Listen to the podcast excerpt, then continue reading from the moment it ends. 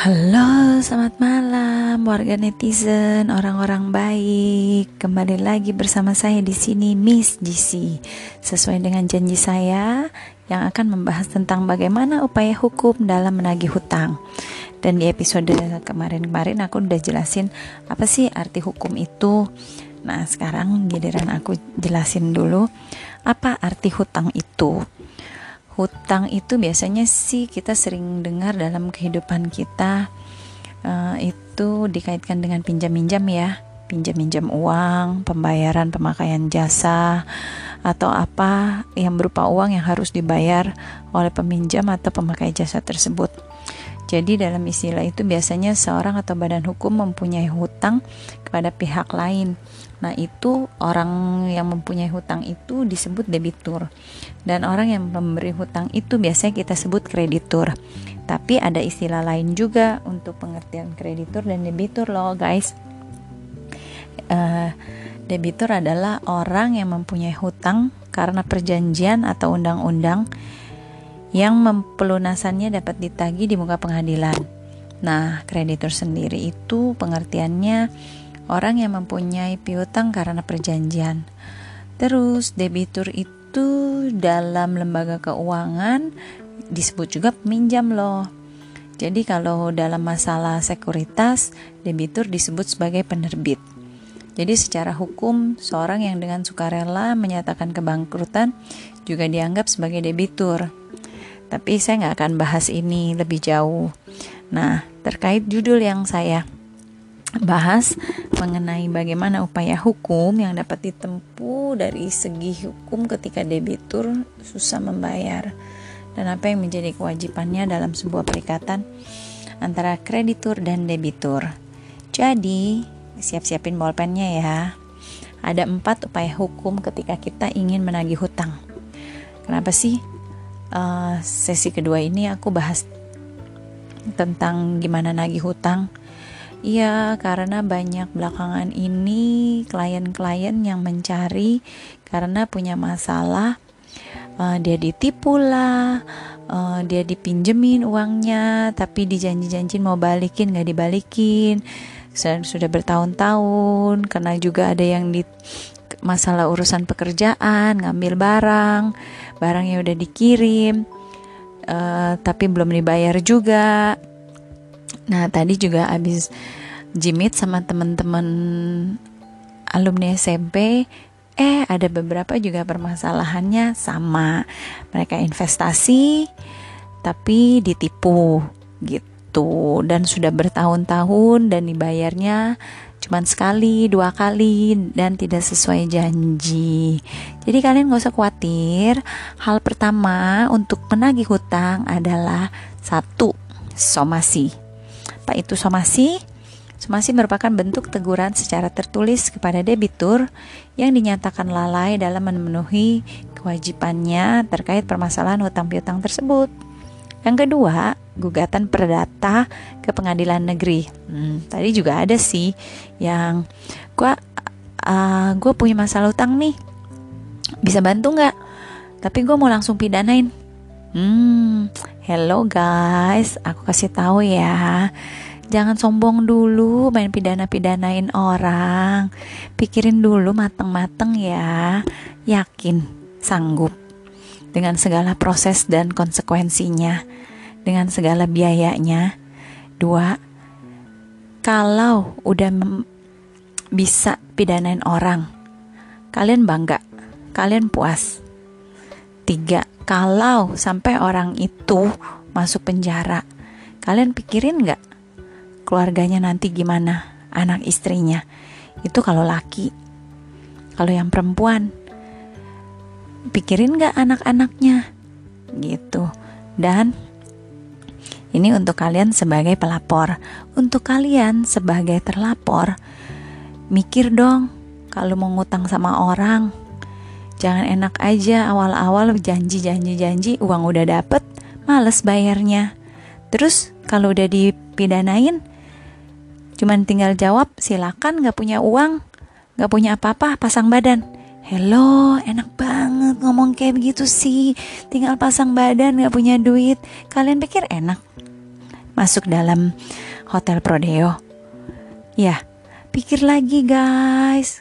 Kalian kalau yang sampai punya hutang terus cuman mikirin gampang lah, gue tinggal pasang badan aja, kelar kok. Emang enak ya dimasukin hotel Prodeo bertahun-tahun itu saya nggak mau ngomong sih ya tapi kalau pengen coba silahkan rasain sendiri Oke, kita kembali ke gugatan perdata pengadilan negeri. Menurut upaya tindak lanjut supaya debitur tetap tidak mengindahkan atau mengabaikan somasi ya teguran tertulis oleh pihak kreditur. Jadi ya tetap aja karena dalam KUH per itu pasal 1243 itu tidak mengat uh, sorry uh, aku ralat maksudnya di dalam pasal 1243 KUH per itu Apabila debitur lalai untuk mengikuti perikatan, tuntutan atau wan prestasi atau pelaksanaan kewajiban yang tidak dipenuhi oleh debitur bisa diajukan apabila si debitur sudah diperingatkan terlebih dahulu melalui somasi. Ingat ya, tetap harus ada somasinya. Terus yang ketiga, mengajukan permohonan pernyataan pilot. Nah, tetap aja hal yang pertama harus dilakukan somasi. Artinya sebelum diajukan pada untuk ngaku-ngaku pilot, pihak debitur biasanya dianggap lalai memenuhi kewajibannya terlebih dahulu. Ini diperingati melalui somasi atau teguran tertulis yang dilakukan oleh kreditur.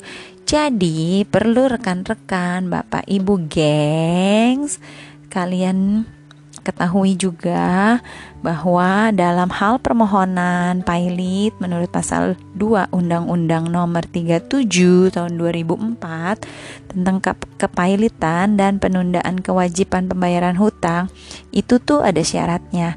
Satu pertama, debitur tersebut harus mempunyai lebih dari dua kreditur dan juga hutangnya tersebut sudah jatuh tempo dan dapat ditagih. Kenapa? Karena tujuan dari permohonannya itu untuk bisa kita ajukan kreditur uh, memungkinkan debitur mengajukan rencana perdamaian meliputi tawaran pembayaran sebaik sebagian, seluruh ataupun ya uh, bagian atau sebagian atau seluruhnya ya. Tapi kebanyakan yang terjadi di luar sana itu hmm, seperti saya sudah jelaskan di awal ya, cuman berani pasang badan. Dan yang keempat, jerat dengan pidana. Kenapa? Karena masalah hutang piutang yang terjadi antara piutang pihak yang berujung pada salah satu pihak tidak memenuhi kewajibannya. Jadi kalau kita lihat dari kacamata hukum sebetulnya masuk ranah dalam hukum perdata sih. Tapi nggak bisa dipungkirin juga kalau kita mau laporkan secara pidana jika memang debitur itu lalai melaksanakan kewajibannya. Apalagi tidak ada itikat baiknya dalam membayar hutang ya. Karena itu masuk dalam tindak pidana penipuan pasal 378 atau sancipa yang pasal bekennya. Dan pasal 372 penggelapan dalam KUHP hukum pidana ya. Nah dari jika salah satu dari empat unsur ini terpenuhi, maka para debitur yang sudah tidak berniat untuk membayar bisa juga dibawa ke ranah pengadilan, ke ranah pidana bagi krediturnya karena sudah merasa tertipu dengan rangkaian kebohongan atau janji-janji palsu. Nah, bagaimana caranya? Ada baiknya menggunakan jasa yang ahli dalam bidang tersebut, seperti advokat atau pengacara.